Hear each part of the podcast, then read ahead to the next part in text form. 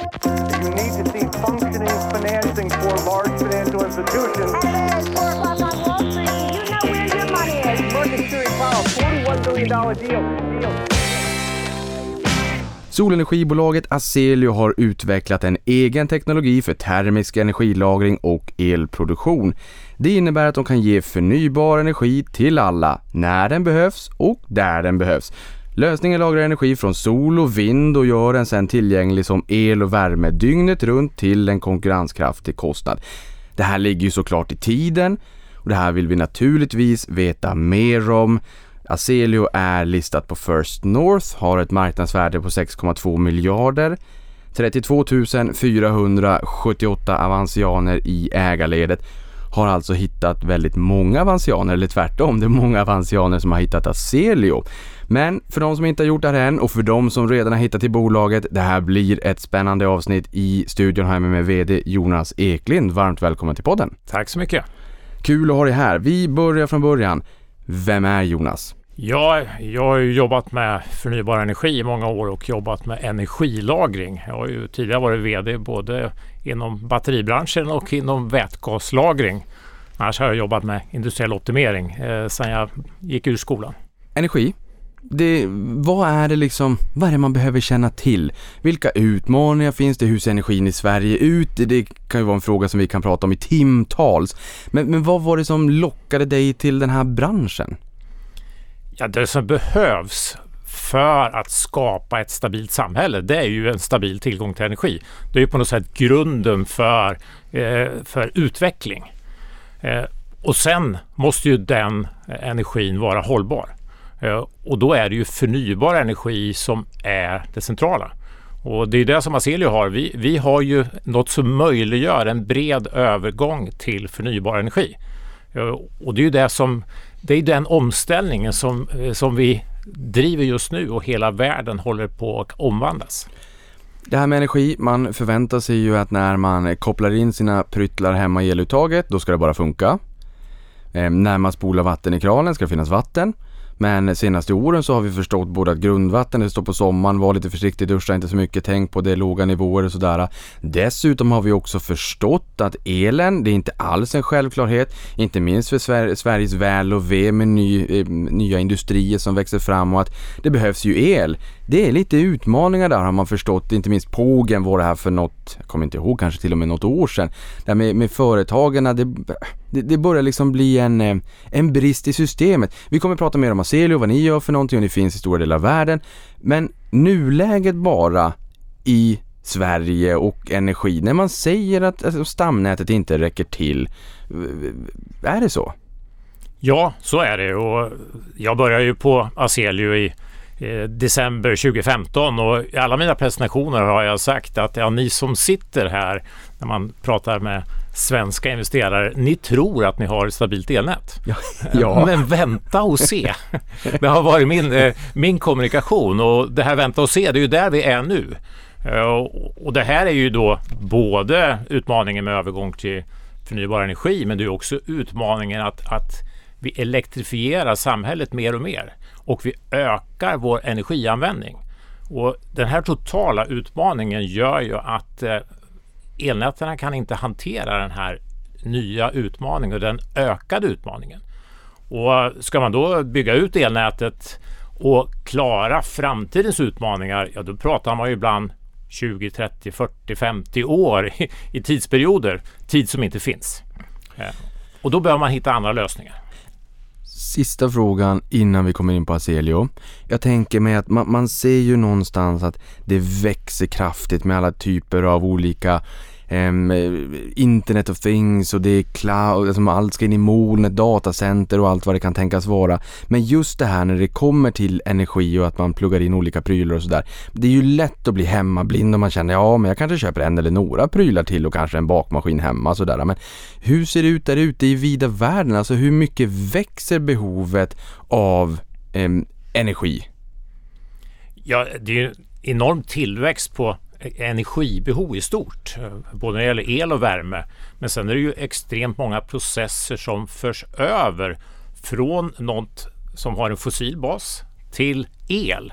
Och då måste ju den elen givetvis vara förnybar för att det ska vara en vettig överföring. Och, ett typexempel är ju elbilar. Elbilen i sig är ju inte lösningen om inte elen är förnybar.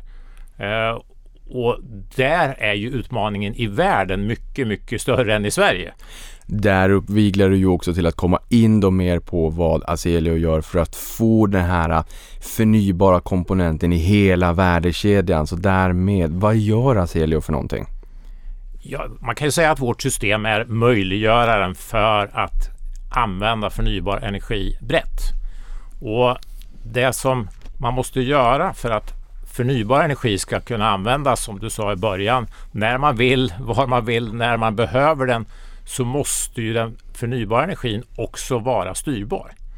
Och i Sverige så glömmer vi ibland bort det, för, för det vi har haft som bas när det gäller förnybar energi, det är ju vattenkraft. Och vi har ju vattenkraft med eh, vattendammar, det vill säga energilager.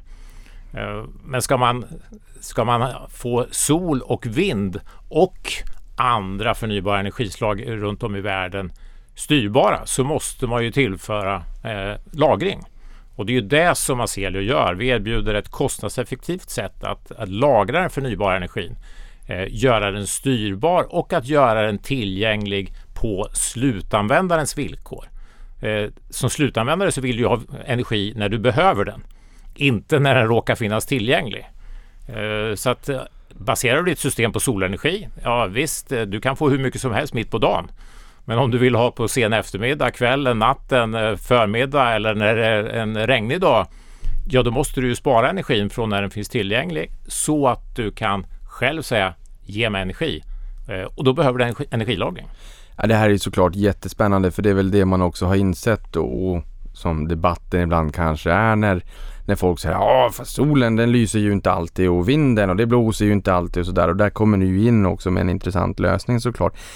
Kan, kan du guida oss igenom fikonspråket? Vad tycker du att man behöver ha koll på? Jag, eh, när jag läste på kring det här avsnittet igår så ehm, eh, baskraft, det känner jag till sedan tidigare.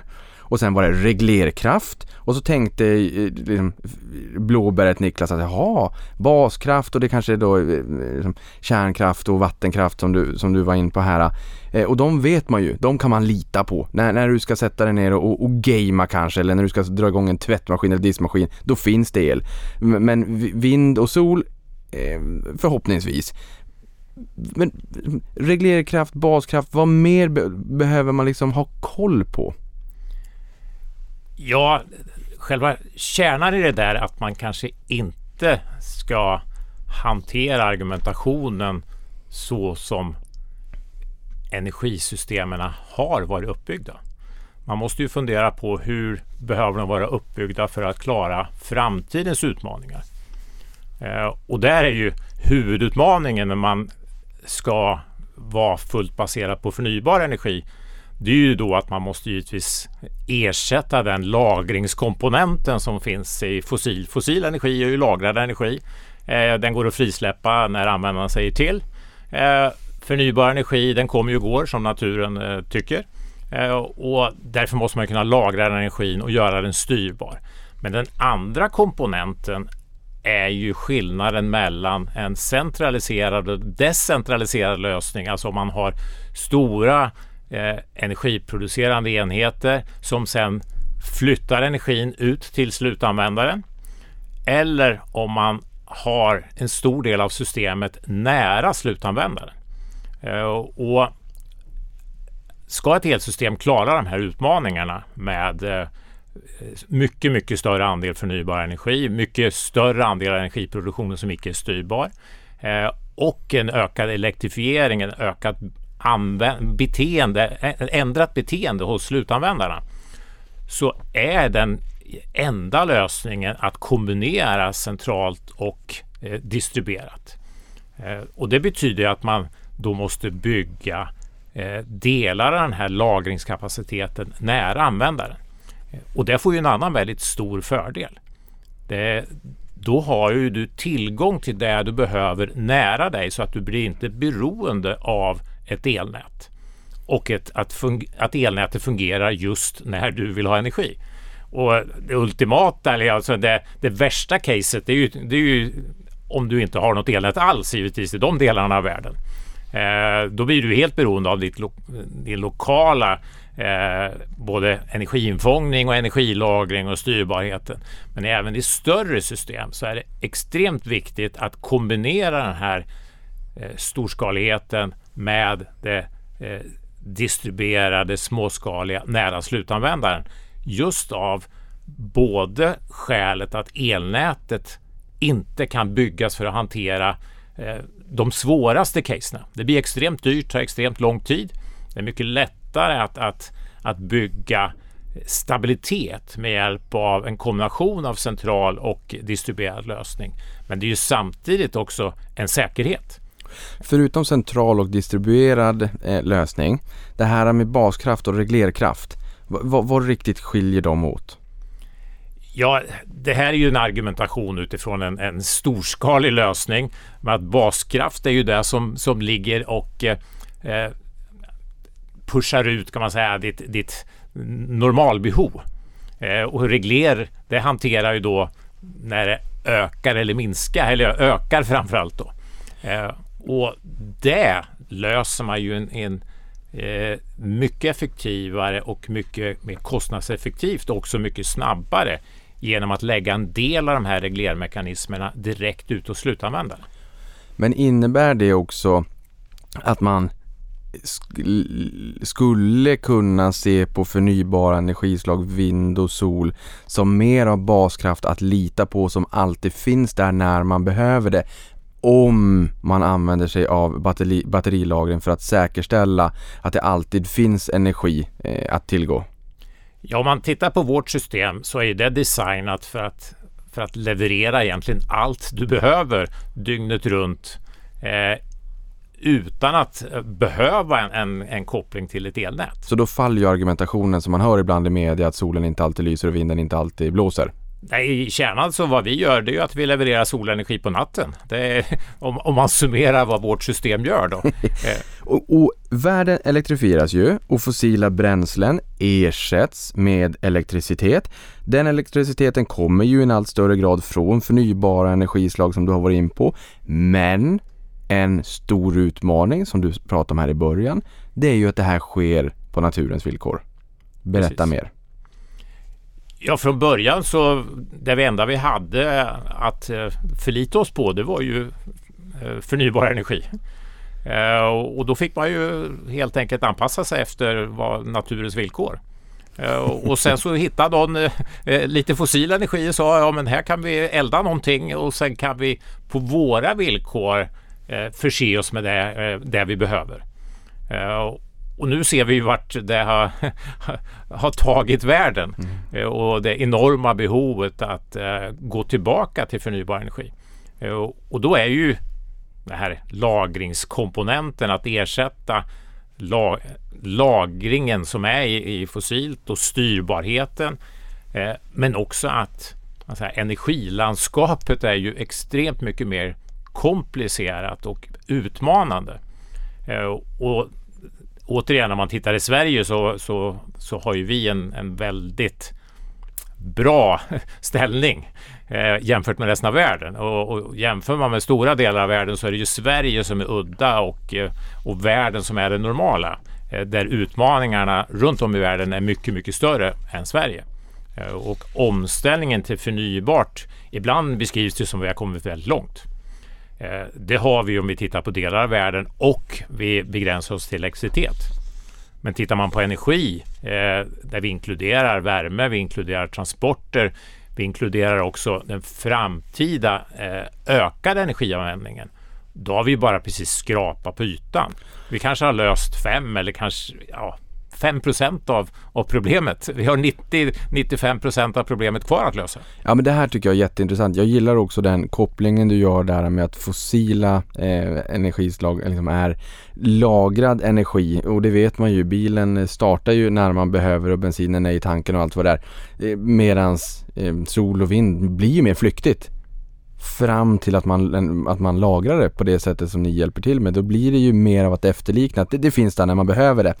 Eh, och du pratar här om att vi har jättemycket kvar att göra. Jag har lärt mig att nästan en miljard människor lagar mat över öppen eld varje dag och nästan varannan person på planeten saknar internetuppkoppling för att ta några liksom stora siffror som jag tror förvånar en kanske lite grann. När jag läste mer och mer fick jag också lära mig att nästan en miljard människor idag lever i områden utan elnät och nästan dubbelt så många bor i områden med instabila elnät. Du säger att vi har kommit ganska kort globalt och det är ju såklart lätt att jämföra med det svenska nätet. Man kollar hemma hur det ser ut. Ja, det är nog så här det ser ut i världen. Uppenbarligen så är så inte fallet. Nej, definitivt inte. Tittar man på den globala energianvändningen så, så kanske vi har eh, löst 10% av frågeställningen eh, och komma in i förnybart. Eh, men då ska vi också tillföra den ökade energianvändningen. Vi ska tillföra omställningen från fossil till, till, eh, till el inom exempelvis transportsektorn. Och sen tillkommer det helt nya komponenter som egentligen inte har med energi att göra alls. Eh, och något som har varit väldigt omskrivet är ju att man ska ersätta koks och kol i, i ståltillverkningsprocesser med vätgas. Och det har ju ingenting med energi att göra, det har ju med, med reduktionen av syre eh, att göra. Eh, och det kommer ju kräva enorma mängder el. Eh, och den elen måste ju komma någonstans ifrån, ja från förnybart och då ökar ju problemställningen. Det krävs ännu mer lagring, det krävs ännu mer eh, stabilisering och, och, och, det krävs ännu mer eh, lösningar för att hantera det framtida problemet. Ja, för här brukar man ju också säga när det kommer till just exempelvis vätgas, ja men du måste ju faktiskt tänka på hur genereras den här energin då? Och det måste ju göras på ett hållbart sätt och uppenbarligen så är ni någonting på spåren här. Hur snabbt växer de förnybara energislagen globalt idag då? Ja, det installeras ju enorma mängder med både sol och vind. Eh, men även om tillväxttakten är enormt hög så är det ju ändå bara en liten andel av den totala omställningen som är gjord.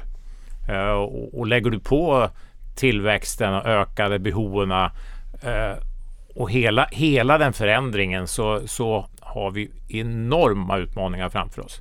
Mm. Uh, och hela den omställningen kräver ju energilagring. Eh, och det är inte bara att det kräver energilagring, det kräver ju också energilagring som man kan bygga nära slutanvändaren. Eh, och det här är ju, det är ju inte bara stabilitet för slutanvändaren, det är ju också eh, säkerhet. Eh, vi har ju sett vad som har hänt i USA, eh, Kalifornien och Texas och sådana ställen. Naturen utmanar oss. Eh, vi kan få problem med, med eh, elförsörjningen det kan få enorma konsekvenser. Mm. Och om man då har ett system som är en kombination av eh, central storskalig produktion, ett så bra elnät som man nu har och distribuerade installationer av energilagring, förnybar energi eh, och energilagring nära slutförbrukarna. Då får man ju ett mycket säkrare system som, som kan hantera mycket, mycket större utmaningar. Mm. Du pratar om slutanvändaren. Är det här liksom en stat, ett land, ett företag? Kan det vara enskilda hushåll eller bostadsrättsföreningar i förlängningen? Liksom, vem är er kund? Vem är slutanvändaren? Systemtekniskt så kan ju egentligen Azelius system användas från alla, från, från ett enskilt hushåll till att eh, hantera elförsörjningen för ett land. Eh, vårt fokus det är ju egentligen de som har ett medelhögt energibehov. Eh, att du har en industri, eh, att du har ett jordbruk, eh, att du kanske driver ett eh, hotell eller, eller att du driver någon speciell applikation. Och, och, den applikationen kan ju vara eh, avsaltning av havsvatten, vattenrening, den kan vara lokal vätgasproduktion. Eh, men den typiska kunden till oss sen, det är ju egentligen en, en projekt eller applikationsutvecklare som bygger den här typen av förnybar energi till en slutanvändare som vill ha förnybar energi dygnet runt. Eh, och eh, Det kan ju vara en gruva eh, som har behov av att pumpa ut vatten ur gruvan. Där kan man då bygga med hjälp av solceller, med hjälp av vår teknologi, en lösning som då driver de här pumparna 24 timmar per dygn, evakuerar vattnet ur, ur gruvorna och gör en väldigt grön lösning av något som idag är till 100% fossilbaserat. Du pratar om den som vill ha förnybar energi. Jag var med någon kompis i, i hans stuga för några år sedan och de, han hade en, en dieselgenerator. Det kändes jättekonstigt, jätteförlegat. Det är det ju såklart inte. Det är ju förmodligen vardagsmat. Men vi ser ju en omställning över tid och jag kan tänka mig att det här blir förlegad museiföremål om x antal årtionden. Jag har ingen aning precis när, men någon gång i framtiden. Du säger för den som vill ha förnybar energi. Här blir jag jättenyfiken. Allt fler länder globalt skärper ju sina klimatmål. Hur påverkar det här er? Ja, att, att bränna diesel för att göra el och värme, det är väl det sämsta sättet du kan, du kan producera just el och värme. Eh, och som du säger så, ja, du har sett det i en sommarstuga någon gång. Eh, men jag skulle säga att det är en extremt vanlig metod runt om i världen. Eh, stora delar av världen har det som sin primära energiförsörjning. Eh, vi är ute och pratar med industrier, till exempel i Mellanöstern eller i, i Sydamerika. De, de producerar allt de behöver, el och värme, med hjälp av att bränna diesel. Vi träffar kunder i USA där kanske man inte har dieselgeneratorn som sin primära försörjning men man använder den väldigt ofta därför att det som kommer från elnätet inte räcker till. Eh, och att ersätta det med att använda solenergi dygnet runt med hjälp av, av solceller och Azelius lösning det gör givetvis en enorm förbättring. Eh, att gå från jättestora CO2-utsläpp till inga alls. Eh, det är ju en enorm förbättring men, men det viktiga att tänka på det är ju att det är faktiskt en lösning som är väldigt, väldigt använd i världen. Jag har också förstått att eh, fastigheter runt om i världen är en enorm utsläppare av koldioxid och det är oljepannor för uppvärmning och allt vad det kan tänkas vara. Nu ser vi ju en trend i och för sig i Sverige att eh, föreningar installerar solceller på taket eh, och visst vi har också fjärrvärme i Eh, i Sverige. Men i det här fallet liksom, skulle man också som förening då kunna sätta upp solceller på taket och kunna liksom, generera värmen med hjälp av elektricitet och använda er batterilagring. För det här skulle i sådana fall få en rätt stor påverkan. Jag menar, det här är ju under lupp. Man säger ju att fastigheter globalt är en enorm utsläppare. Det är ju en jättestor utmaning. Jag tolkar det som att ni har en möjlighet att hjälpa till att lösa det här problemet. Ja, precis. Och, och, och, ofta så pratar man ju elektricitet eh, och det går givetvis att omsätta till värme. Eh, och ofta när man energieffektiviserar då kanske man tar bort en, en fossil eh, värmekälla eh, och ersätter den med en värmepump. Men den kräver ju el som man måste få tag i någonstans. Eh, och då, det bidrar ju till problemställningen. Eh, men tittar vi på Azelius system eh, så är ju det väldigt kostnadseffektivt för att ta in förnybar el, lagra det och tillhandahålla förnybar el dygnet runt till en slutanvändare. Men Azelius system genererar ju också värme och användbar värme vid ungefär 60 grader Celsius. Och eh, vi håller ju på nu med våra två första kommersiella projekt varav det ena är Dubai och det andra är ju en installation i Sverige. Och där är ju en fastighetsägare som äger en industriell fastighet. Han har installerat eh, solceller på sitt tak eh, från vår partner Svea Solar. Och han använder då, ska då använda den solcellselen att ladda eh, Azelius-systemet. Och, och ur det så får han ju styrbar solel dygnet runt som ersätter den, eh, delar av den elen som man köper från elnätet. Men han får också förnybar styrbar värme som då ersätter andra, eh, andra sätt att värma fastigheter. Det här är ju superintressant och jag noterar också i er senaste rapport där man i vd-ordet kan läsa att alltså, Aselius energilagring blir attraktiv i Sverige är en effekt av att elpriserna blir allt mer rörliga, vilket just nu sker i många västländer när inslaget av icke-styrbar energi såsom sol och vind ökar. Spännande. Vi har pratat mycket om er produkt. Nu ska vi också komma in lite mer på produkten och få lära oss lite mer om den. Ehm, för när inslaget av elproduktion från förnybara källor i energimixen ökar växer samtidigt behovet av energilagring eftersom dessa energikällor har en intermittent produktion som varierar med tiden på dygnet eller väderförhållandet. En lösning som lagrar energi när produktionen är hög och efterfrågan låg och sen levererar ut den till attraktiv kostnad och utan utsläpp när produktionen avtar men efterfrågan består har en växande roll att fylla. Där finns det en produkt som ni har som är Azelius Testpod. De här orden var fina. Det är inte jag som har kommit på dem. Det står i er redovisning också. Berätta om er lösning Testpod. Vad är det här för någonting? Ja, Testpod är ju ett sätt att på ett extremt kostnadseffektivt sätt kunna lagra mycket förnybar energi. Och för att sen kunna göra den tillgänglig över en lång tidsperiod. Så att systemet är ju optimerat för att kunna laddas på typiskt 6 timmar eh, när man har eh, god tillgång på solenergi.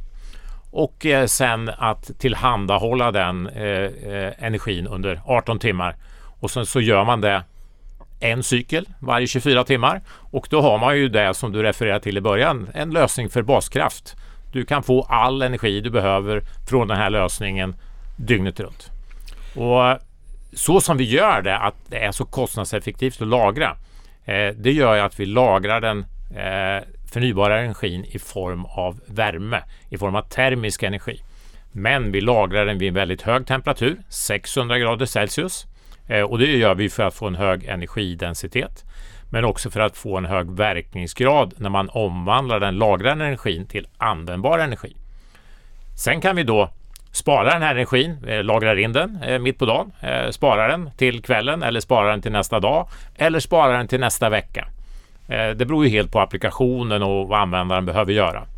Sen kan vi ta den här lagrade värmen vid 600 grader Celsius med hjälp av vår konverteringsteknologi, den så kallade Stirlingmotorn.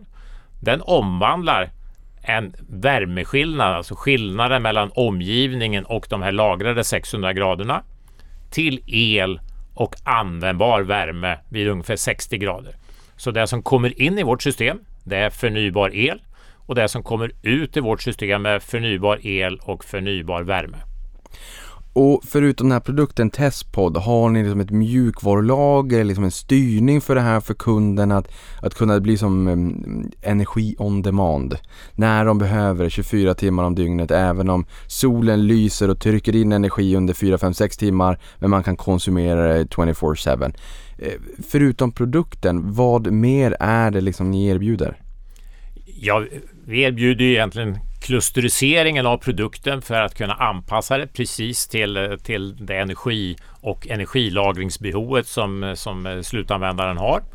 Och sen så är ju då en stor del av, av produkten är ju just en mjukvaruplattform som optimerar både inlagring, lagring och hur man tar ut energin.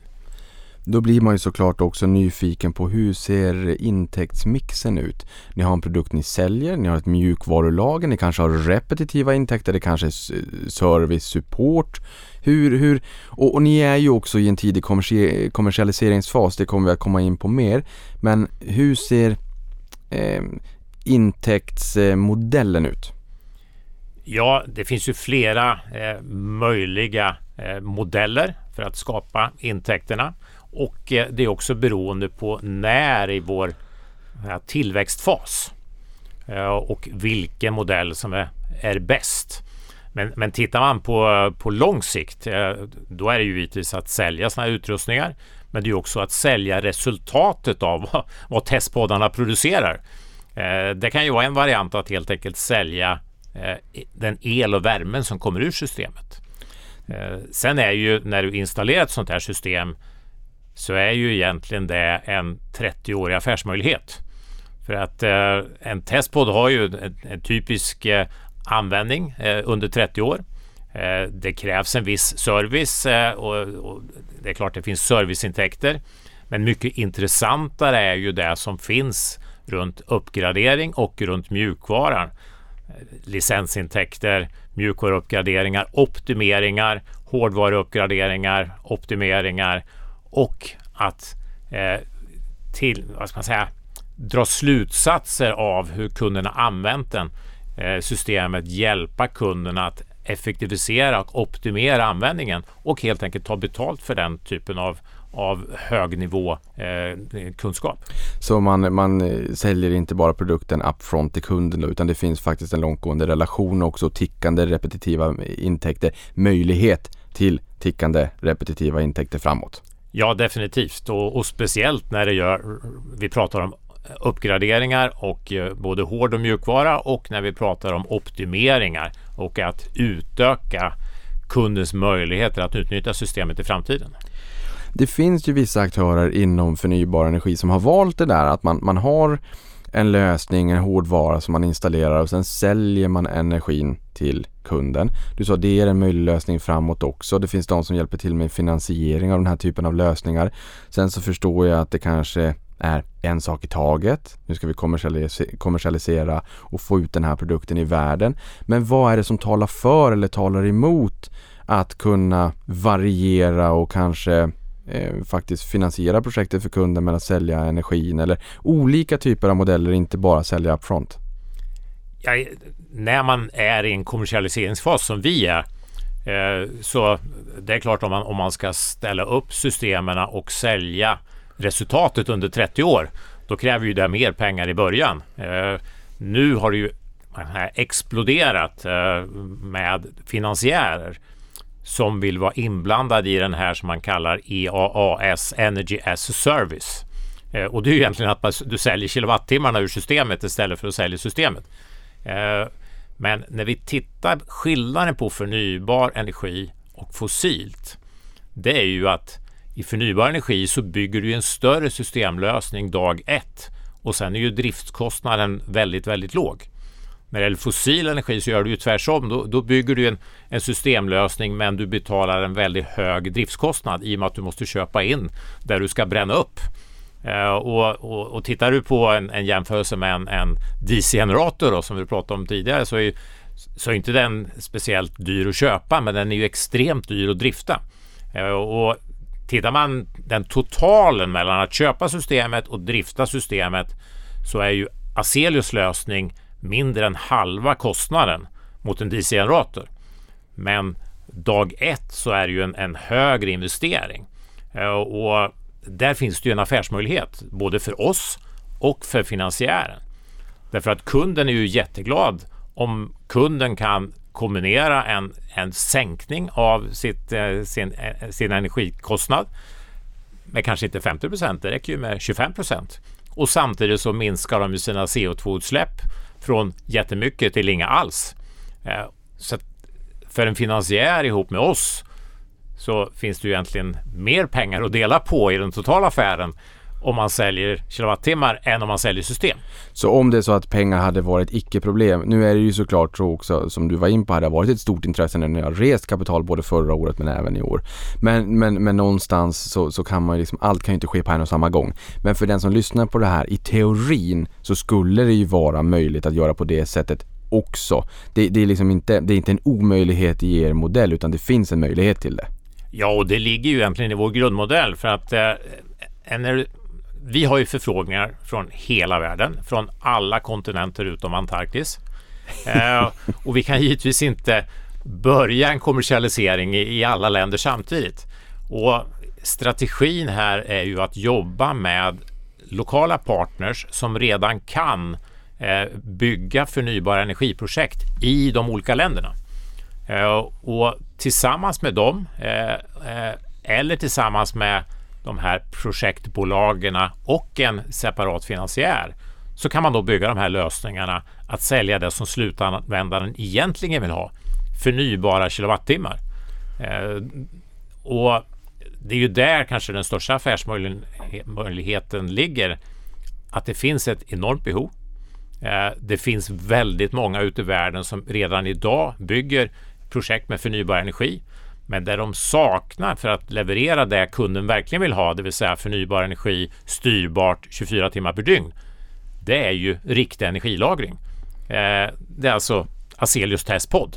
Det är den komponenten som saknas för att både göra omställningen mot förnybart och att kunna leverera där eh, slutanvändarna och slutkunden verkligen vill ha. Det vill säga kostnadseffektiv förnybar energi, styrbart dygnet runt precis där de behöver den utanför dörren till, din, till sin fabrik. Ja, för det här är ju jättespännande. Hur ser den balansen ut mellan eh, att eh, kundens kostnader sänks, att det här är pålitligt med energilagringen plus att man då, att energin finns där när man behöver den 24-7 och att man också kan ticka av boxen och inte bara för att ticka av en box utan för att man vill ha förnybar energi. Jag menar, det, det är ju som ett Kinderägg, tre i ett. Men vilket argument är, väger liksom tyngst? Eh, hur mycket sänker kunden sina eh, kostnader med ett sånt här system och hur viktigt i dagsläget är det för kunderna att det också är den här gröna lösningen? Vi pratade nyss om att de regulatoriska kraven och ambitionerna på, på länder, regioner, världsdelar eh, har, har växt kraftigt senaste tiden. Men, men slutkunderna där ute då? Ja, när det gäller energi så är det ju alltid priset som är det viktigaste. Det, det är, så här, är inte lösningen billigare så kan du aldrig få igenom den. Ja, det är så ja. Mm. Så är det ju. Mm. Eh, och när jag började jobba med förnybar energi 2006, 2007 någonstans där. Eh, då var det ju mer att ja visst, förnybar energi har en priskomponent och sen får man lite det miljövänliga på köpet. Men idag har ju speciellt CO2 eh, Eh, reduktionen lyfts upp som extremt viktigt. Det är ju inte någon som köper ett system som ger dyrare energi bara för att det har lägre CO2-utsläpp. Men som du sa i, vårt fall så kan ju energin som kommer ur systemet kanske vara hälften av kostnaden av alternativet eller kanske ännu mindre. Och man reducerar de operativa energiutsläppen eh, med 100 procent. Eh, och samtidigt så tillför man ju det som man på engelska kallas för resilience. Så att, så att du tillför en säkerhet, att du har ditt eget jättestora energilager och att du vet att du har tillgång till det. Men priset är alltid nummer ett. Men idag så värderar man ju de andra två komponenterna med både miljövänligheten och säkerheten väldigt, väldigt högt. Eh, och det är ju komponenter som givetvis kan bakas in i en affärsmodell om man säljer kilowattimmar istället för att sälja eh, maskiner. Du sa att eh, den här eh, testpodden håller i 30 år. Men eh, vad är payoff-tiden för en kund klassiskt sett? Ja, beroende på om kunden eh, använder elen som kommer ut eh, och vad man ersätter, vad är alternativet? Eller om man använder både elen och värmen. Eh, så en typisk payoff-tid är ju fyra år. Eh, använder man både el och värme ersätter dieselbränning, ja då kanske vi är nere på två år.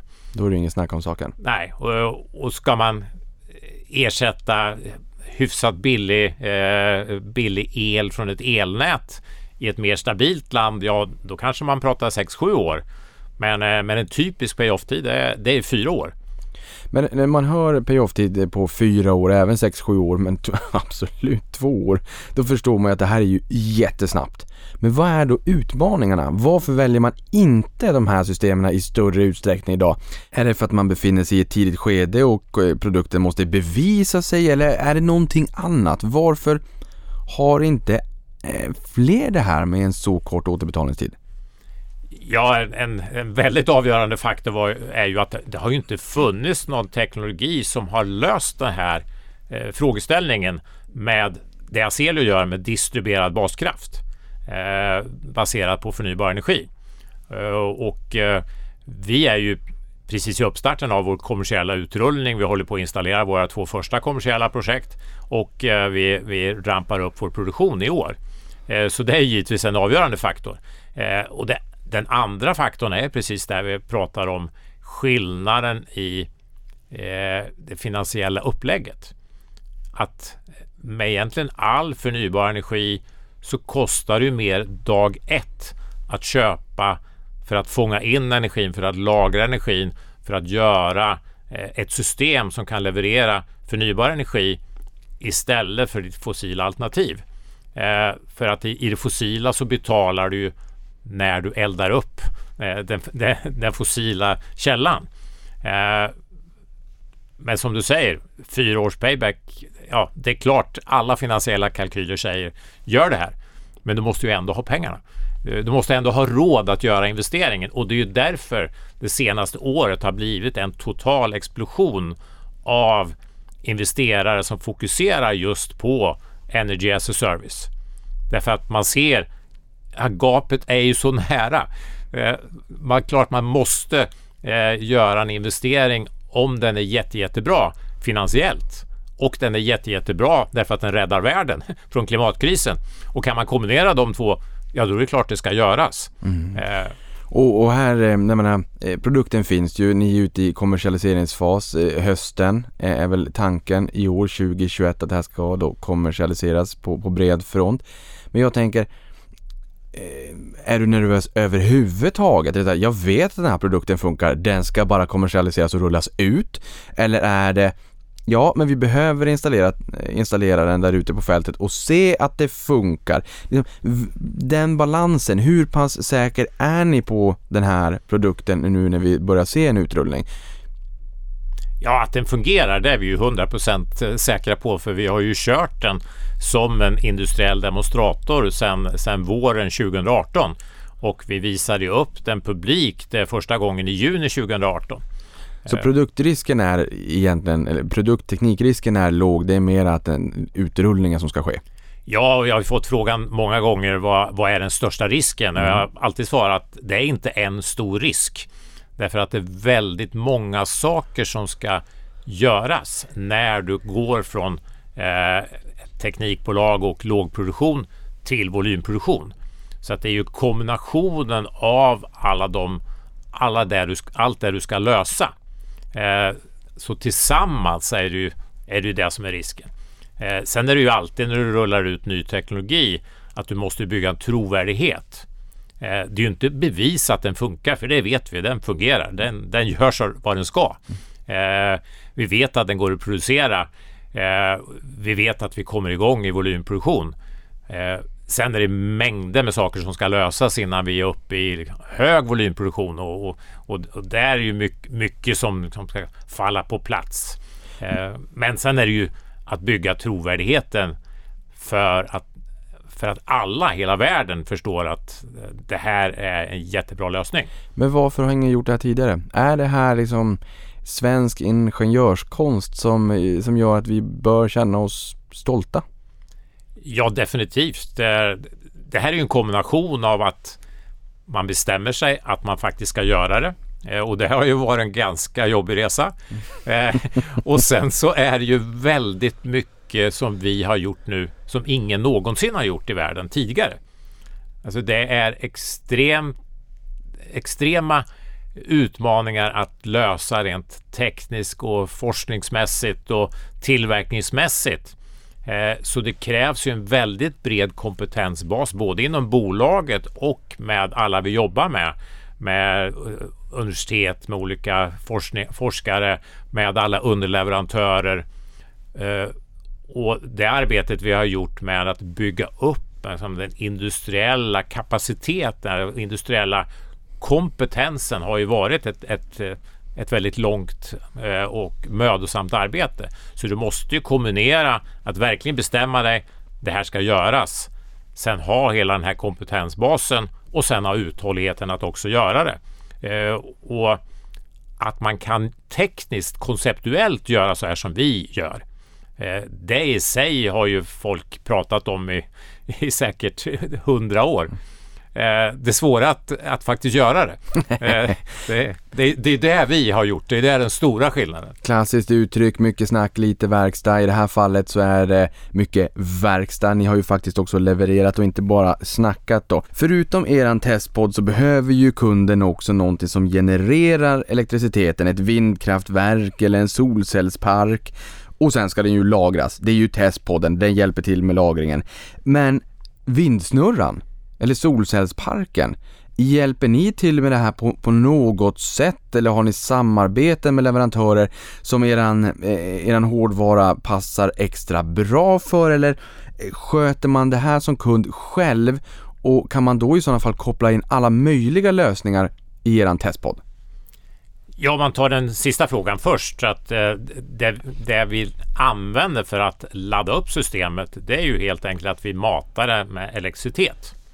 Och, och varifrån den elektriciteten kommer det, det bryr sig ju inte systemet i sig om.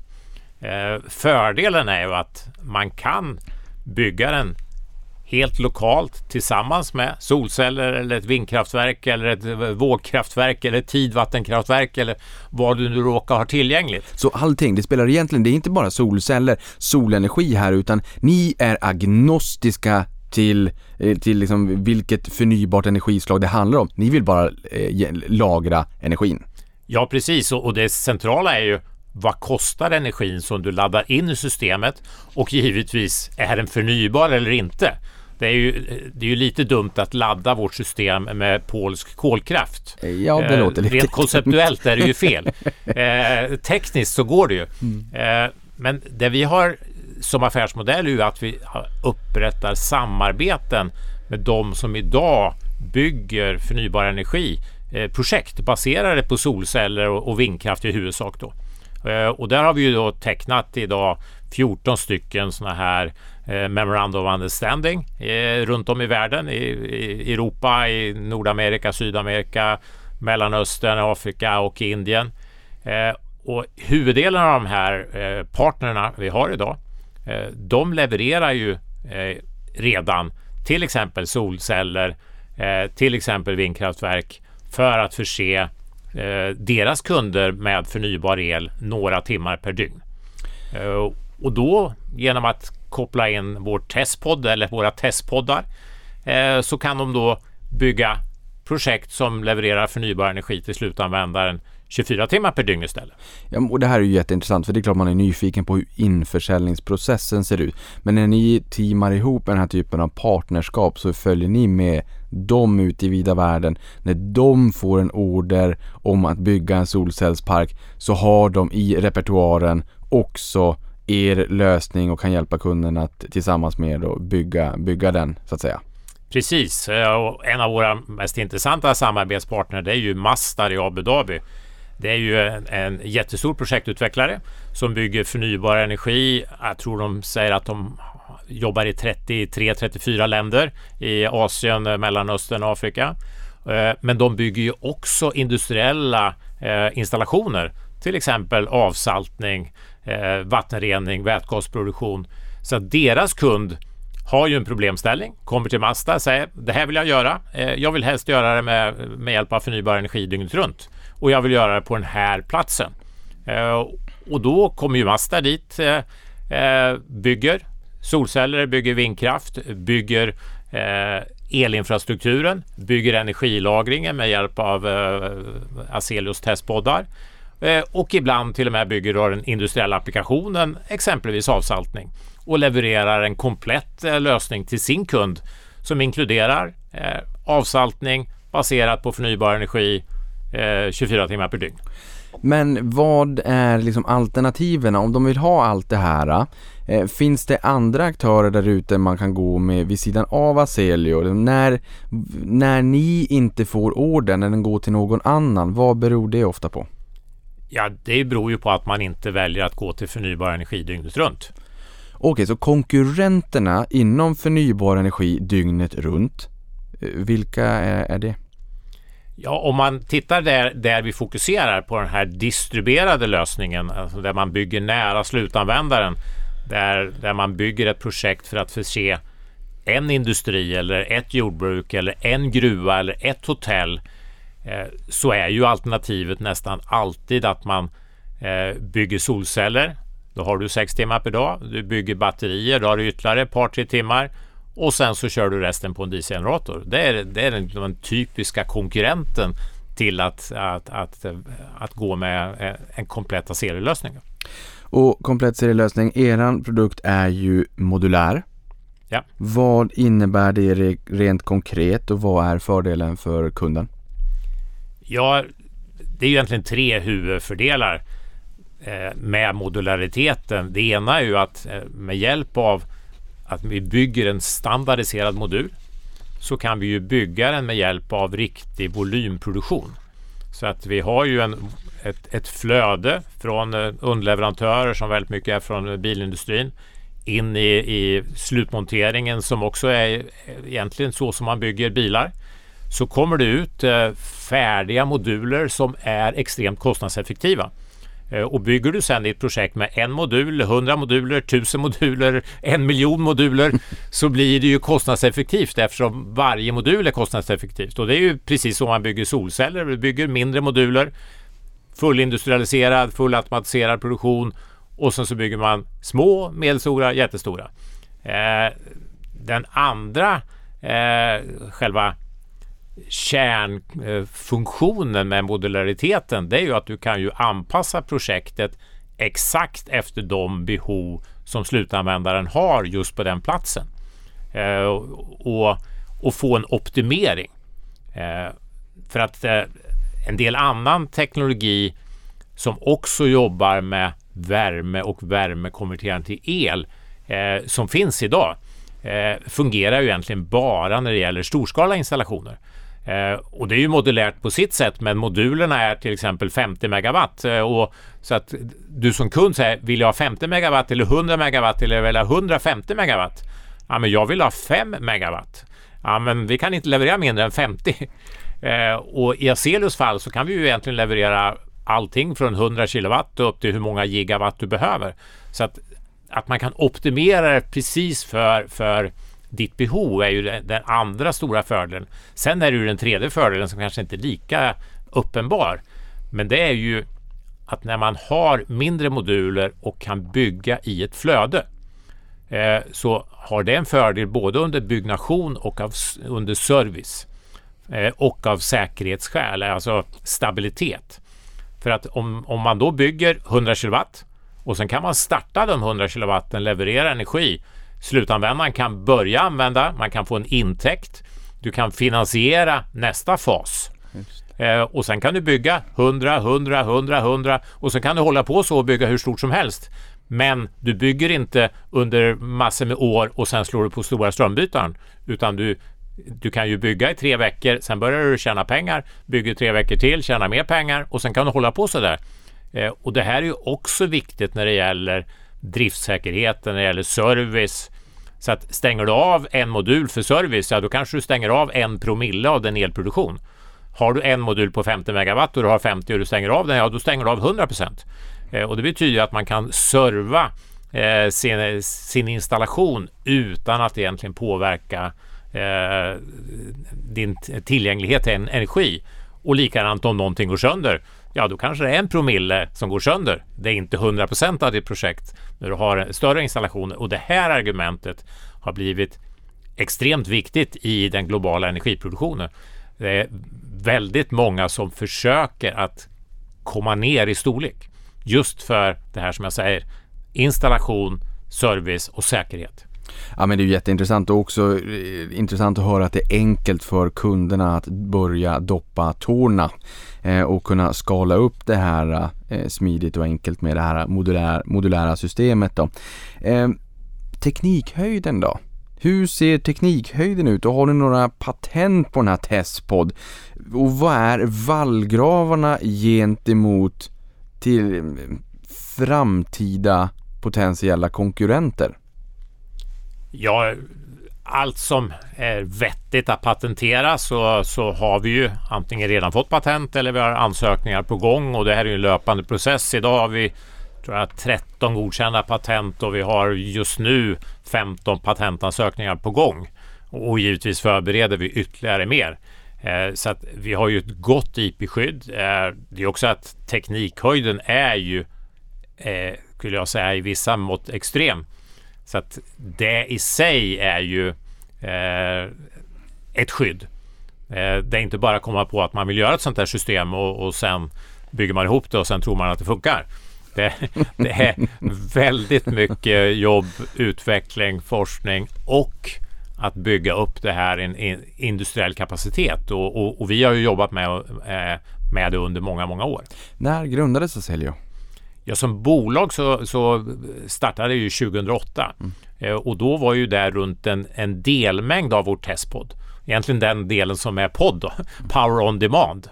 Eh, och det är ju den konverteringsenhet som omvandlar en, en värmepotential till el och användbar värme, det vill säga Stirlingmotorn. Eh, och, och den, eh, den jobbar vi ju med från 2008 till 2016 i utvecklingsfas när den egentligen var en industriell produkt. Uh, och ibland får jag frågan vad som skiljer våran Stirlingmotor med andra. Jag brukar lite skämtsamt säga att ja, våran fungerar. uh, och det beror ju just på att vi har lagt ner mycket jobb, mycket resurser och en lång tid för att faktiskt få den från att den fungerar som koncept till att den fungerar industriellt.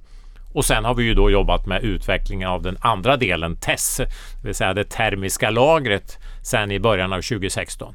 Ja men det här har jag ju förstått. Jag menar TESS, eh, Thermal Energy Storage har jag förstått att det står för. Nu fick vi också den andra delen, Power on Demand. Nu trillade liksom poletten ner lite grann, Testpod.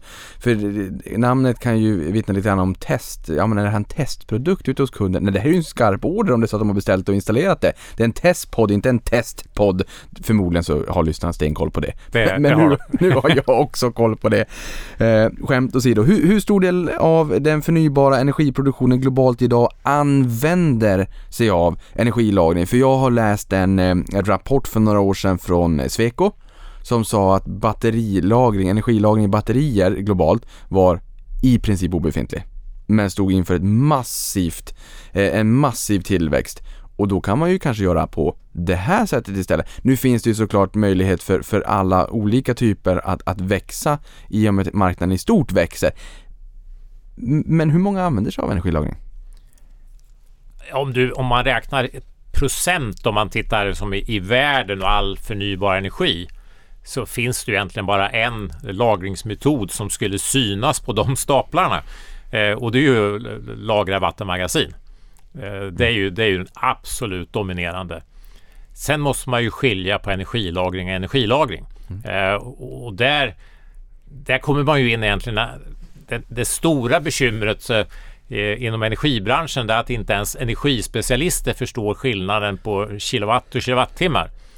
Eh, om du vill ha energi tillgängligt för att hantera en, en topp en, en topp i din belastning eller som du beskrev i början och du ska ha det som baskraft.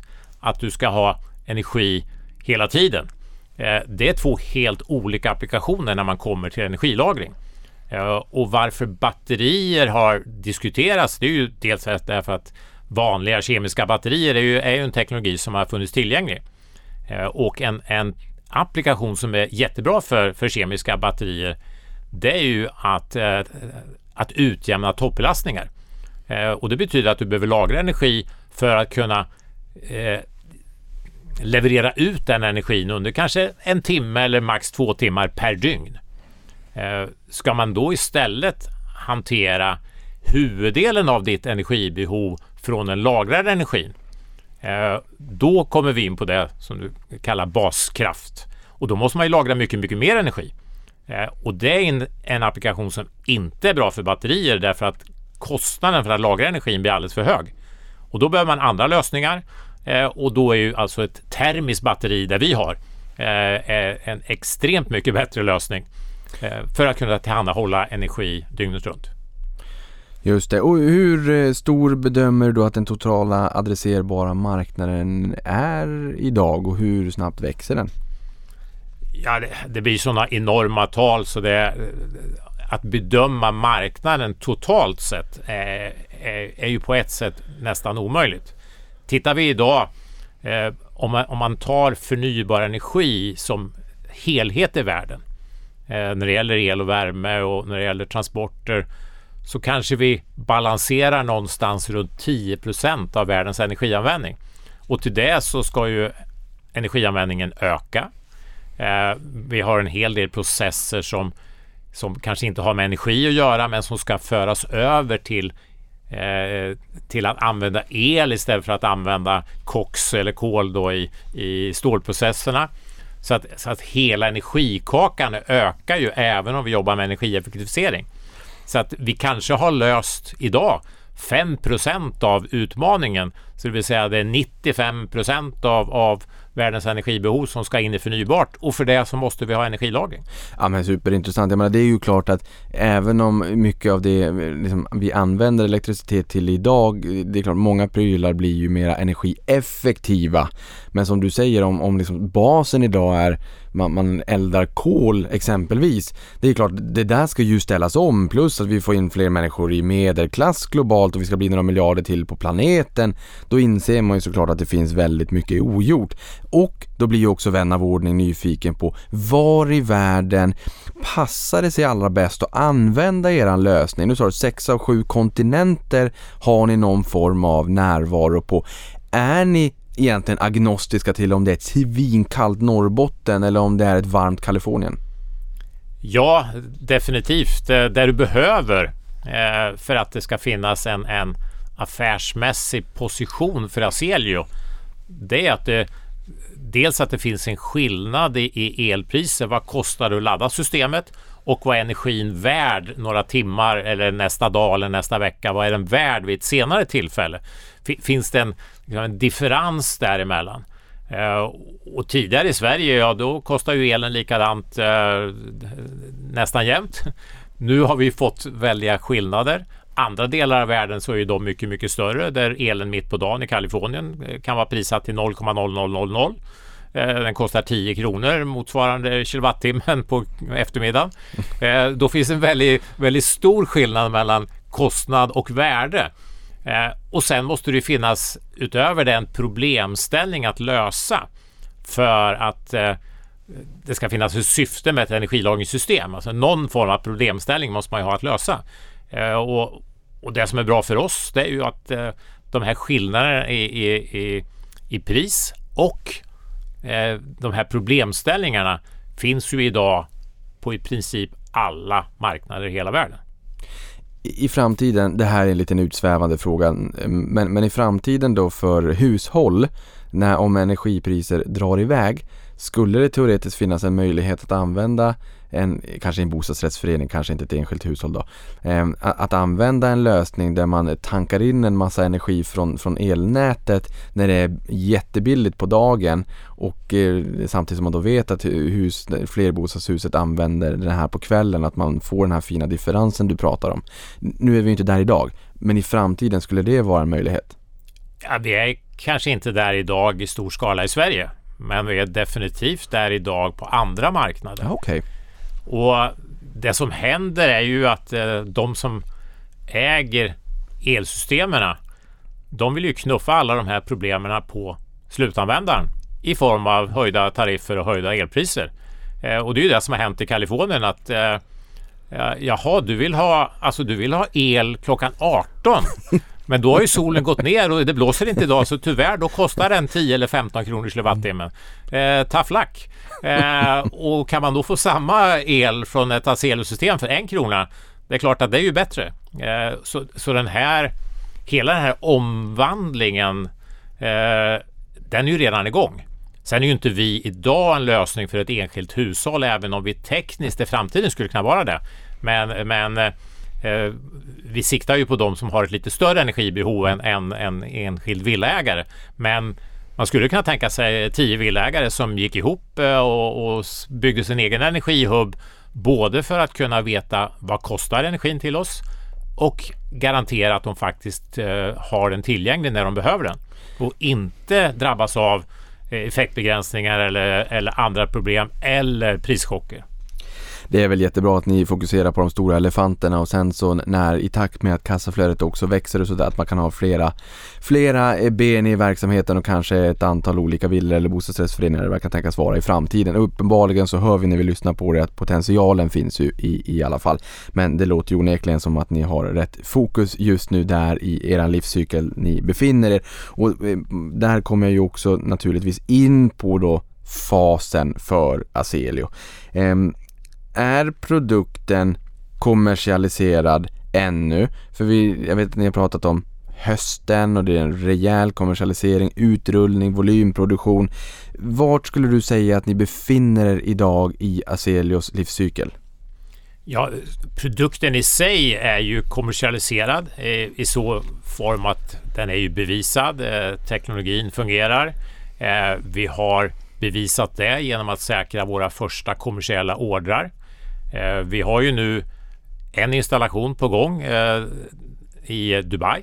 Eh, och det här är ju en mindre installation men det är ju till en av världens större solparker, MBR Solar Complex i Dubai som är en gigantisk solpark men som behöver förnybar energi till ett besökscenter 24 timmar per dygn som är omgivet av 2 gigawatt solenergi som inte kan förse det här besökscentret med solenergi dygnet runt. Och där installerar vi då en testpodd för att tillgodose eh, precis det här behovet. Och sen håller vi på med vårt andra eh, kommersiella projekt som är till en, en ägare av en industrifastighet här i Sverige som då ska använda Azelius testpoddar, två stycken, för att öka egentligen utnyttjandegraden av sin befintliga solcellsinstallation och att använda det som kommer ut vårt system, eh, el och värme, till sin industrifastighet. Sen är ju då nästa steg att eh, eh, vi ska öka vår produktionskapacitet.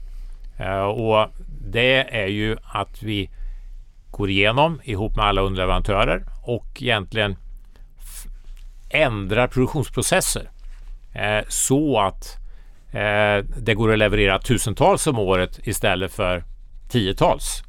Eh, och det är den omställningen som vi gör här och nu. Aselio som så, vi har ju en monteringskapacitet i vår befintliga fabrik i Uddevalla att göra 23 000 enheter om året. Eh, men det hjälper inte om vi kan göra det. Alla komponenter i systemet måste ju också kunna göras i tusental. Och det är den här omställningen då som är klar i september i år. Eh, och det innebär att då kan vi ju gå in Eh, sa i, i, någon presentation den, den riktiga kommersiella fasen, det vill säga att vi kan leverera eh, större projekt som ligger i, i vårt skop. Vi, vi har ju också sagt att vi fokuserar på projekt som har ett eh, effektbehov av elektricitet mellan 100 kilowatt och 20 megawatt. Eh, så att vi kan komma igång i år med eh, större leveranser, större kommersiella leveranser och sen rampar vi upp eh, både att säkra ordrar, säkra, eh, öka vår produktionskapacitet och upprampning där och leveranserna för att eh, under nästa år sen gå in i, i eh, volymproduktion, alltså hög volymproduktion leveranser av, av medelstora projekt. Du pratar om fabriken i Uddevalla och 23 000 enheter eller potential då att, att, ha en output på 23 000 sådana här enheter. Eh, hur ska man tänka kring dem? Hur ser de ut? Är det en container? Ja, det vi monterar i uh, Uddevalla det är ju då podddelen, det vill säga Stirlingmotorn. Eh, och Eh, får, sådana kan man ju packa eh, väldigt många i en container. Eh, och sen så det som är själva lagerdelen, testdelen, den monteras ju av eh, vår partner AQ. Ett börsnoterat eh, bolag som just gör det. Monterar komplexa produkter åt andra. AQ Group? Ja, precis. Okej, okay. Västeråsbolag. Spännande. Mm -hmm. Ja, fortsätt. Eh, så att de monterar ju själva lagerdelen och vi monterar eh, Stirlingmotorn, då, själva podddelen. Eh, det tillsammans blir ju en testpodd. Eh, men bakom där finns ju ett stort eh, kedja av underleverantörer i huvudsak från den europeiska automotive-industrin. Som är, de är ju vana att göra hundratusentals eh, komponenter till Volkswagen och BMW och Volvo och sådana. Eh, så att de är ju vana att göra jättemånga komponenter. Men det de hittills använt för att tillverka våra komponenter det är ju lågvolymproduktionsmetoder. För att vårt behov har ju varit ja, 20-30 stycken om året och nu ska vi ha tusentals. Mm. Det vill säga, då måste ju alla underleverantörer ställa om eh, sina produktionsprocesser till volymproduktion och allt det här ska vara klart i september så att eh, hela liksom, monteringen, hela produktionsprocessen, hela supply chain är redo för volymproduktion, volymleveranser. Men hur mycket är 23 000 enheter? Har ni någon guidance för hur ni tror att det kommer se ut 2022, 2023, 2024 för att sätta den här siffran 23 000 i en kontext? Ja, det vi har sagt är att eh, vi om man skulle leverera 23 000 enheter på, på de eh, upplägg som vi har beskrivit i prospekt och så vidare. Eh, då skulle det motsvara en, en potentiell omsättning om 13 miljarder svenska kronor. Eh, sen har vi också då satt, sagt att vi har ju ett mål för 2022 att, att ha en produktionskapacitet tillgänglig på 6000 enheter. Eh, exakt hur många som ska produceras och levereras, säljas under 2022 har vi inte gett guidance på men produktionskapaciteten 6022 17 000 2023 och 35 000 2024. Så där ser man ju vår tänkta tillväxtkurva. Så det blir såklart en, en växtverk men det är inte så att ni kommer ha begränsningar utan ni kommer ändå kunna leverera i och med att det här är en rätt hygglig omsättning du pratar om. Det är ju en rejäl tillväxt såklart. Eh, så att just nu så har ni kapacitet att växa Aselio betydligt större än idag. Och sen kommer ju vidare kapacitetsutrullning därefter. Ja, och den stora skillnaden är, är, ju om man är igång eller inte med att producera ett volymproduktionskoncept. Eh, är man väl där så är, så, så är det ju andra begränsningar än just själva produktionen. Eh, ni har ju eh, påbörjat arbete med att sluta samarbetsavtal med potentiella kunder och har en pipeline idag med ett värde motsvarande 170 miljarder kronor har jag förstått. Vad innebär det? Och 170 miljarder, 170 eh, miljarder kronor, vi pratar nu här om två kunder där det är skarpa orders, det ska installeras både i Dubai och i Sverige. Men, men den här siffran 170 miljarder kronor, vad innebär den? Ja, 170 miljarder är ju den totala eh, kvalificerade stocken av förfrågningar vi har fått in. Eh, vi har ju fått in betydligt fler förfrågningar än så. Eh, men då är ju då de 170 miljarder representerar ju egentligen förfrågningar från projektägare och de som har behov av, av vår teknologi från länder, från eh, kunder, från applikationer som vi ser intressant att leverera till. Så, så, det är ju den aktiva pipelinen som vi jobbar med. Sen har vi ju förädlat en, en delmängd av den här enorma pipelinen in till de här eh, samarbeten i form av MOUer. Eh, och skulle man sätta en siffra på de MOUerna, vad, vad de totalt representerar i, potential, så, så blir ju det någonstans 18,5 miljarder svenska kronor. Eh, om alla MOUer skulle levereras utifrån eh, de intentioner som vi har uttryckt i de här, i de här samarbetena. Ni har att göra. Ja, vi har definitivt att göra och in, intresset är ju helt enormt. Eh, och det vi gör nu är ju att vi givetvis fortsätter att, att eh, jobba med att, att omvandla intresse till samarbeten. Eh, och det centrala nu är att omvandla samarbeten till bindande ordrar. Vad ser du framför dig för innevarande 2021 och även 2022? Alltså, hur stor del av de här äh, nyfikna kunderna lyckas ni konvertera till att, att bli orders eller hur många tror ni kommer att resultera i skarpa orders? I år så ska vi påbörja leverans av de första eh, större projekten eller att vi ska leverera eh, några eh, medelstora projekt. Eh, och för det så måste vi givetvis ha ordrar och leverera mot. Vi måste ha förändrat de här eh, samarbetena in till skarpa ordrar där någon har satt pennan på pappret och sagt okej, okay, vi betalar för exakt den här leveransen eh, och det ska ske exakt till den här platsen och det ska bygga exakt det här projektet. Då. Eh, och det är ju det jobbet vi, vi Eh, som är huvud, huvuduppgiften just nu. Då. Och, och, och, lite grann, vad är det som krävs?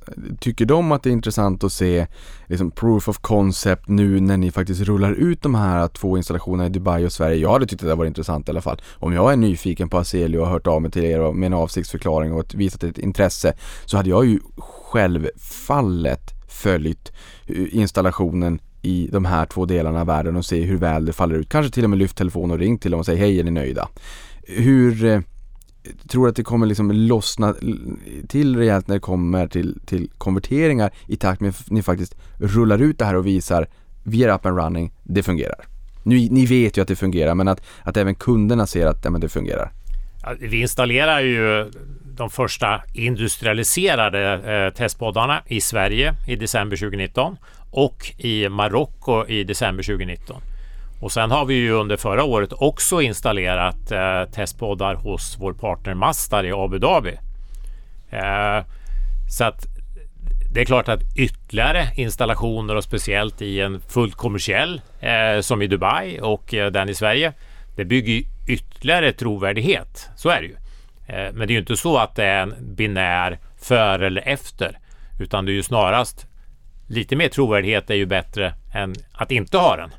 Eh, och ju mer möjlighet, alltså, ju mer bevis man, man bygger på att, att världen tycker att det här är en otroligt bra lösning desto lättare går det givetvis att jobba vidare. Eh, men det här är ju en, en konstant process eh, som varje dag, varje framgång eh, gör att det blir lite bättre än vad det var igår.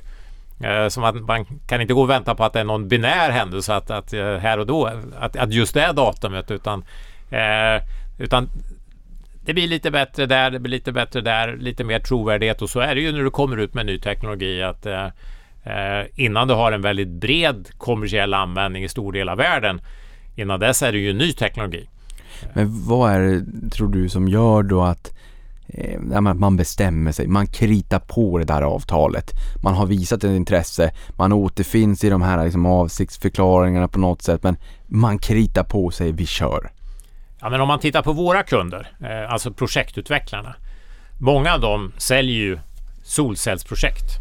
Eh, och hur ska du få en affärsmodell genom att sälja bara solceller eftersom alla andra gör det också? Och var ska du tjäna pengarna eftersom solcellerna nästan inte kostar någonting längre?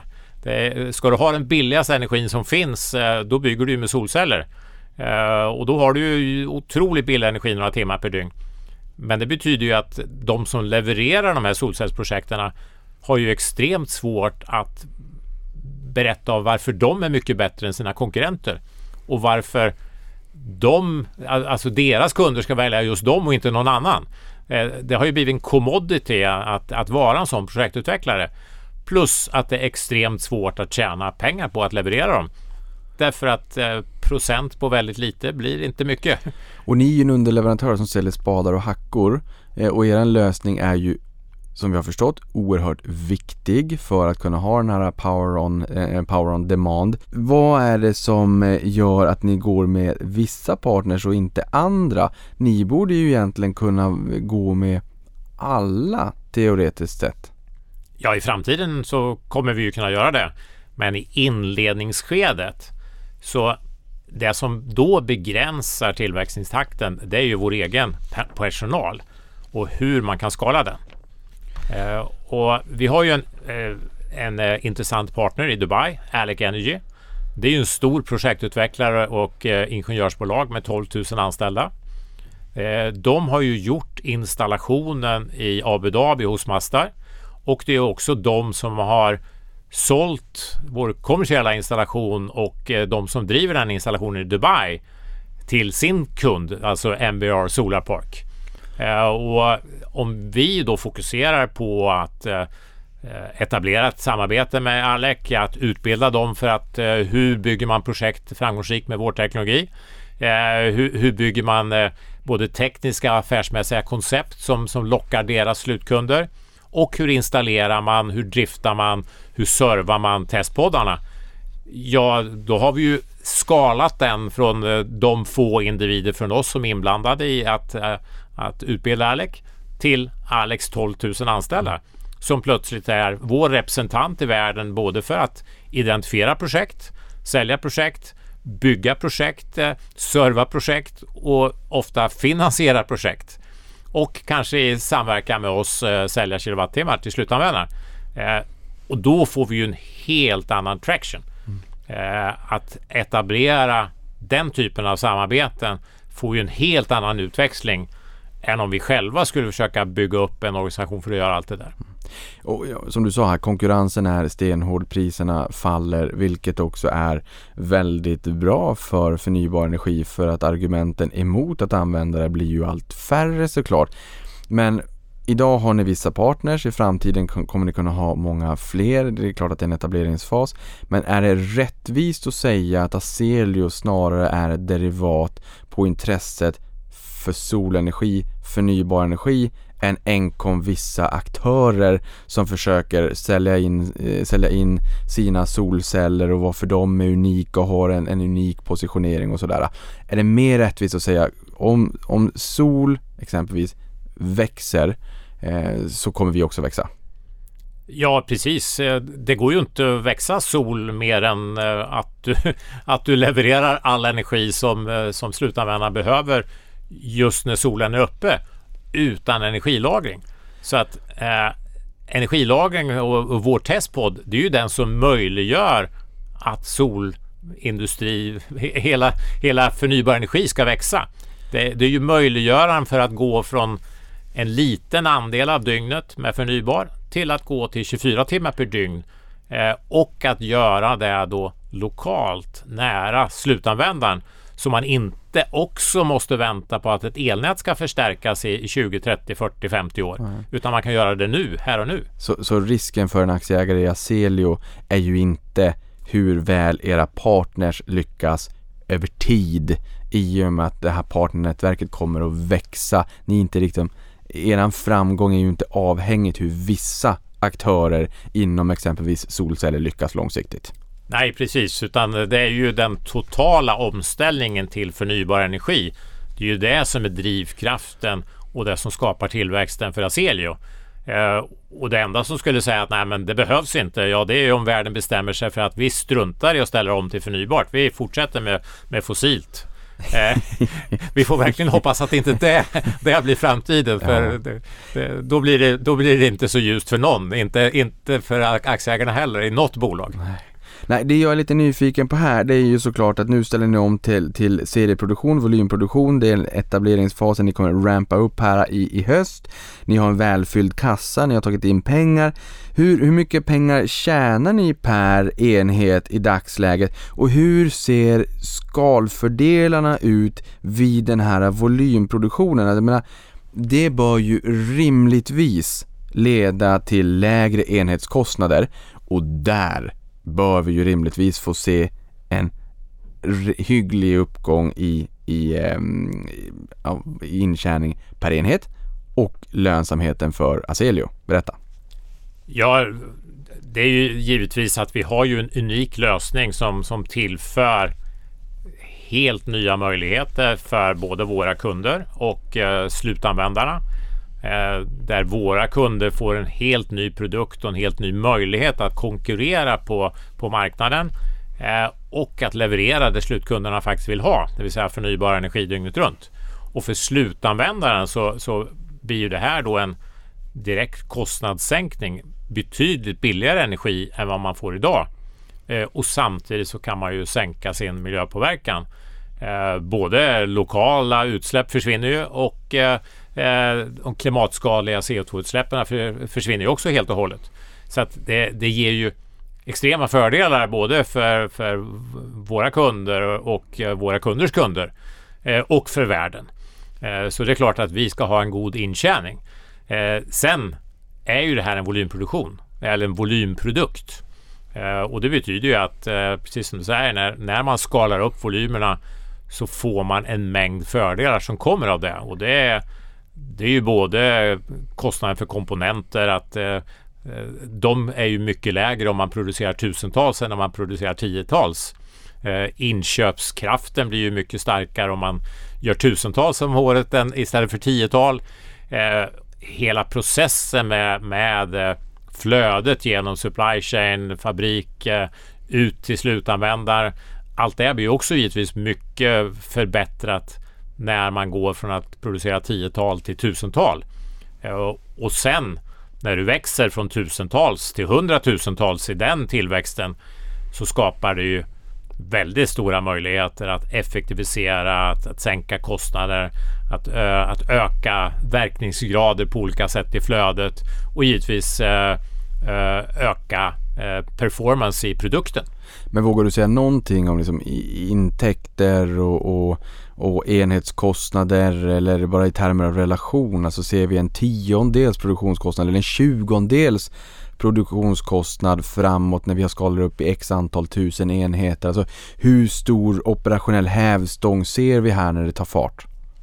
Jag skulle inte vilja säga i, i tio, alltså den typen av, av beskrivande termer, men, men det som är Ibland så jämförs vi ju med, med andra teknologier. Man säger ja, men batterier ska ju öka så i produktion och därför kommer kostnaden sänkas. Ja, men det går man ju från volymproduktion till högre volymproduktion. Eh, och det är klart att det har ju en viss påverkan, eller kanske en stor påverkan.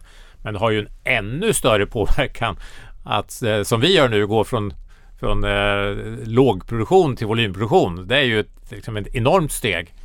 Eh, och sen eh, blir det givetvis stora förändringar när vi skalar upp och vi rampar upp det här och går från tusentals till många tusentals till hundratusentals om året eh, så får du givetvis en, en, en, en både en, en, en, styrka i den tillväxten och en lärkurva i den tillväxten och du får ju också en möjlighet att, eh, att förbättra produkten.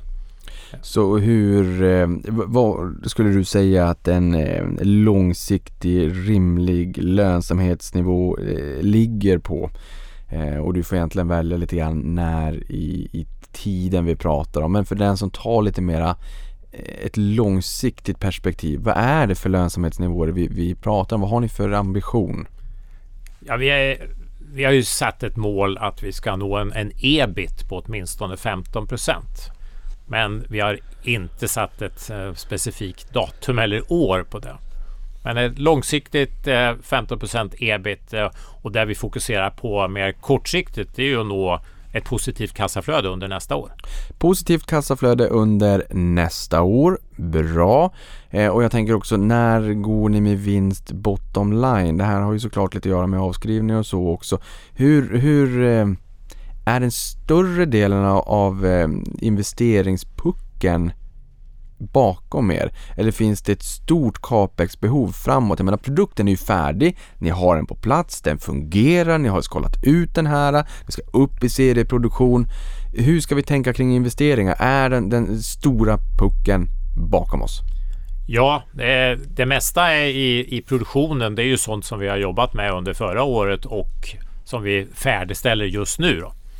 Eh, och för, för vår egen investering så är det ju eh, fabriken i Uddevalla och, och den, den har vi ju haft färdigbyggd en tid.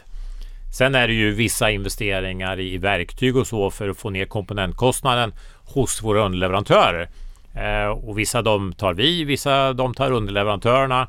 Och eh, det finns ju kapacitetsinvesteringar som i huvudsak ligger hos underleverantörerna. Att de måste ju helt enkelt bygga ut sin fabrik eller köpa en ny maskin eller anställa folk eller vad de nu behöver göra för att kunna leverera tusentals åt oss istället för tiotal. Det är ju nice to have. Så att jag menar de, eh, de eh, som kan kontera sig mer på need to have för att ha en färdig produkt att skala ut. Det, det tolkar jag som att den stora pucken där är över i alla fall. Allt som ni gör nu, jag menar med nya verktyg som sänker kostnaderna i produktionen, det är ju rätt trevligt.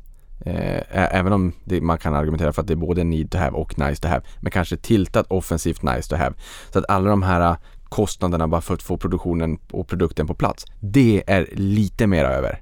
Ja, definitivt. definitivt. Och, och, och den, den, den, största investeringen man gör i en ny produkt, det är ju att faktiskt utveckla den. Mm. Eh, och där har vi ju Eh, det stora jobbet har ju varit från 2016 och, fram till idag så att det är ju genomfört. I fjol genomförde ni ju två kapitalanskaffningar på totalt 620 miljoner kronor och under första kvartalet i år då en tredje på 596 miljoner kronor för kostnaden för att resa kapitalet. Vad ska ni använda de här pengarna till och kommer det här att räcka fram till att det börjar trilla in kassaflöde då, vi pratar kassaflödet positiv nästa år. Eller finns det en risk för att ni kommer att vilja ta in mer pengar? Uppenbarligen när ni har tagit in pengar så har intresset också varit stort ska vi ju tilläggas. Ja, och det här är ju de pengar som används då för att egentligen ta produkten från en fungerande produkt till en produkt som är redo för volymproduktion och att bygga upp hela den eh, volymproduktionsflödet som ska vara redo i september år. Då. Och sen så är det ju givetvis också då för att uh, bygga upp uh, affärsutvecklingen och, och säkerställa att, uh, att de här samarbetena omvandlas i, till ordrar i den takt som vi behöver för att, för att mappa med, med vår tänkta produktionsupptrampning. Och de här pengarna, det är, ju, det är ju det som ska ta oss till positivt kassaflöde. Vilka är de vanligaste frågorna då från investerarkollektivet och från småspararna för jag skulle kunna tänka mig med så många småsparare som ni har att det kanske kommer in en och annan fråga från dem också. Vilka är de vanligaste frågorna? Ja, en, en väldigt vanlig fråga är ju skulle ni göra, kunna göra mer med mer pengar? det, eh, och, och, det som vi pratade om eh, ganska tidigt här det, det är ju just eh, den här möjligheten med att eh, inte sälja system utan istället sälja energi. Eh, och för det krävs det ju givetvis pengar. Eh, och det finns ju finansiärer som är just specifikt inriktade på den typen av projektfinansiering. Det syftet är att bygga ett projekt, drifta det och sälja outputen. Eh, och det finns givetvis sådana såna möjligheter om det finns eh, finansiering tillgänglig. Vilka skulle du då säga är de största triggerserna i bolaget framåt? Ja, det vi ska göra nu är ju att komma igång med volymproduktion och eh, volymleveranser. Eh, och det i sig är givetvis viktigt att, att det är igång. Eh, och för att kunna leverera volym så måste vi ju ha volymordrar.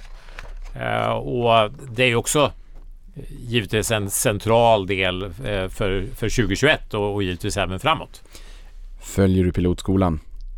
Eh, ja, så gott man nu kan i ett bolag med drygt 6 miljarder i värdering. Ja, det är inte, jag kräver inte att du ska en eller 10 eller 50 procent, men du har skin in the game. Du sitter med i samma båt som aktieägarna. Ja, definitivt. Jag har ju både aktier och jag har ju också investerat en hel del i optioner. Det låter bra. Hur ser ägarbilden ut i övrigt då? Ja, vi har ju idag en väldigt solid eh, ägarbas eh, eh, och bland annat så är ju stora amerikanska jätten Capital Group idag en, en av våra storägare, faktiskt på andra plats. Sen är ju listan under här är ju en, en, blandning mellan institutionella ägare från eh, Sverige, Europa, USA och eh, större family offices eh, framförallt runt i, i Europa och i USA. Jonas, jag får ju ändå känslan av att ni befinner er i ett väldigt spännande skede i Azelios livscykel. Ni ska kommersialisera den här produkten som ni har jobbat på under en, en längre tid. För att knyta ihop den här påsen och få en förståelse för potentialen framåt. Var befinner ni er om fem år tror du? Vi har ju en lösning som är helt central för den största frågan, eller största utmaningen som världen står inför. Det vill säga omställningen till förnybar energi och att trygga en stabil elförsörjning baserat på ett förnybart energisystem. Där har ju vi en nyckelkomponent som är en, helt central för att klara den överföringen. Eh, och vi har en teknologi, vi har en, en produktionsapparat och vi har ju också ett samarbete runt världen. Eh, så det är klart att vi har ju en, en helt enorm eh, affärsmöjlighet framför oss och också en viktig uppgift att, att vara med att både driva på att möjliggöra den här omställningen till förnybar energi. Vad betyder namnet Aselio? Ja, förutom att det är ett snyggt och fräckt namn så, så, så, så, så, finns det ju en, en bakgrund eh, runt eh, sol, runt eh, lagring faktiskt eh, och, och runt eh, Eh, hur man utnyttjar förnybar energi på ett, rätt, på ett bra och, och effektivt sätt. Mm. Jonas, tusen tack för att du kom till podden och berättade mer om Aselio och vad som händer där ute i världen med förnybara energislag och hur man behöver göra för att göra det här på ett, ett eh, enkelt, smidigt och eh, hållbart sätt och också berätta mer om det här Power on Demand som är ett nytt begrepp för vissa, förmodligen kanske inte för de som lyssnar på det här men, men för många där ute. Jonas, tusen tack för att du kom till podden och jag hoppas att solen lyser på er och att det blir en spännande resa framåt. Tack så mycket och tack för att jag fick vara med. Och stort tack för att du lyssnade på det här.